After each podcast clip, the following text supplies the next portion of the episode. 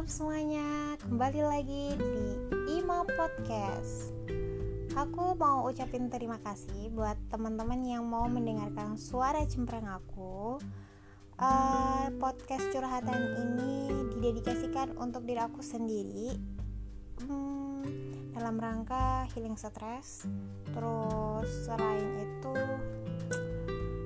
biar aku tuh bisa ngambil hikmah dari curhatan aku sendiri tapi kalau orang-orang yang mau mendengarkan suara cempreng ini aku harapkan kalian juga bisa ngambil hikmah dari apa yang aku sampaikan.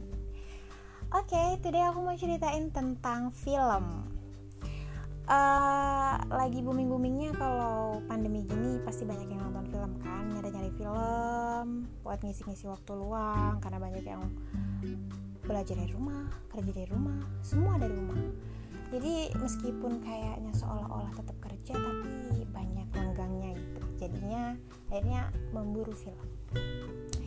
Oke okay, aku tuh suka nonton film dengan genre aku nggak punya genre kayaknya ya soalnya aku nonton semuanya.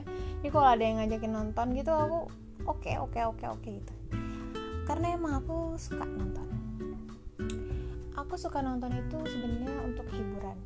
Jadi ceritanya today aku tuh lagi nonton ayat-ayat cinta yang kedua. Film ini udah aku tonton selama eh selama sebanyak tiga kali. Yang pertama aku tonton waktu pas lagi baru awal-awal tayang itu. Terus yang kedua aku nonton lagi karena aku pengen healing stres karena aku suka nonton yang kalau lagi healing lagi pusing-pusing gitu kan kalau misalnya nonton terus kayak kebawa ceritanya sedih nangis gitu kayak jadi jadi lega gitu kalau habis nonton uh, dan yang ketiga ini aku punya maksud beda untuk nonton film ini.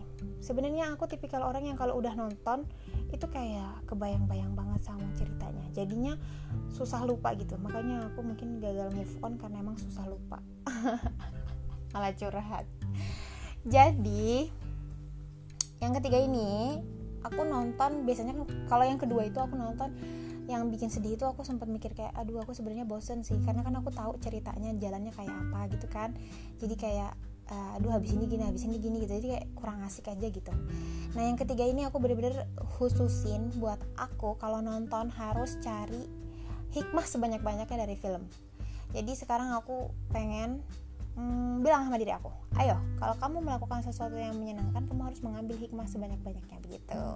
Nah salah satunya adalah uh, menonton film. Nah di cerita ini di cerita ayat-ayat cinta yang kedua itu Fahri adalah seorang dosen.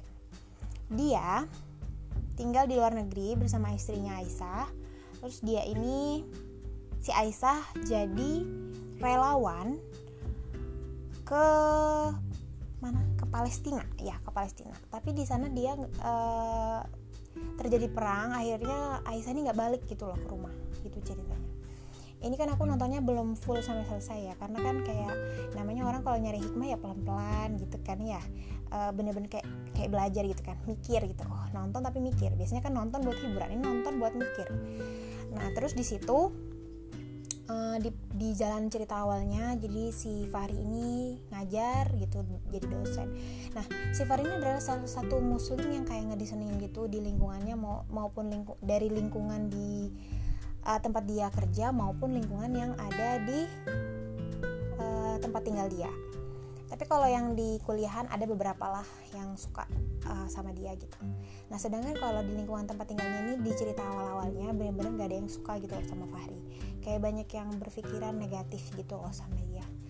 Tapi dia itu mau tinggal di situ karena dia itu um, menghormati pendapat istrinya mungkin dia juga uh, pro sama pendapat istrinya gitu loh kata istrinya karena di situ beragam ada umat Katolik Kristen dan lain-lain jadi um, dia merasa kayak tinggal di Indonesia yang katanya kayak binika tunggal tunggal ika gitu. Tapi di situ dia tuh suka dihujat gitu. Maksudnya bukan dihujat yang kayak netizen netizen Indonesia ya. Maksudnya kayak misal dia uh, ngebantuin dipikirnya malahan negatif kayak gitu. Ya pokoknya dari situ aku bisa ngambil satu hal. Kalau Fahri itu dijahatin terus tapi dia nggak pernah balas kejahatan. Nah ini yang jarang banget orang lakuin kan sekarang. Aku aja sendiri aku tuh orang yang pendendam banget. Jadi kalau ada orang satu jahat sama aku aku bisa dua kali lipat jahat banget sama dia. Itu aku banget memang. Dan aku berusaha berusaha kontrol ini. Kita tuh tahu diri kita kayak apa. Um, dan meskipun ada jelek-jeleknya ada positif-positifnya semua kita harus terima. Itu kan diri kita sendiri. Tapi kan kita nggak mungkin tinggal dalam kejelekan terus. Jadi kita harus belajar sedikit demi sedikit untuk menjadi lebih baik. Nah dari sini dari film ini kita belajar aku belajar terutama aku karena aku yang nonton kalau ada orang jahat kita tuh harus belajar berbuat baik. Jadi kayak kalau misalnya ada orang jahat 100 derajat celcius kok 100 derajat celcius sih? Ada orang jahat pokok nemen jahatnya. Kita harus baik setara dengan kejahatan dia. Jadi dia itu ya bakal kalah. Orang yang jahat itu bakal kalah sama kebaikan yang udah kita buat gitu. Tapi balik lagi ya kalau berbuat baik itu nggak mikir. Maksudnya kayak ya ikhlas aja gitu kalau misalnya berbuat baik tapi mikir itu namanya sama aja berbuat jahat yang di cover sama kebaikan. Dan itu lagi banyak sekarang. Hmm, ya gitu deh pokoknya. Intinya uh, dia tuh meneladani sifat Rasulullah yang kalau dijahatin jahatin sama orang lain itu bukan balas kejahatan tapi malah balas balas balas kebaikan. Dan ujung-ujungnya pasti akan menimbulkan uh, hidayah gitu loh Nah, jadi kalau misalnya ada orang jahat, kita harus bisa menasehatin. Kalau kita nggak bisa menasehatin, ya kita harus bisa membuat contoh, yaitu kita nggak berbuat jahat balik ke dia. Uh, semua butuh proses, semua butuh belajar. Hmm, ya kita tekan dikit-dikit lah, apalagi kayak aku, si, si manusia pendendam seperti aku aku akan berusaha belajar sedikit demi sedikit untuk hal ini. Oke guys, terima kasih. Wassalamualaikum.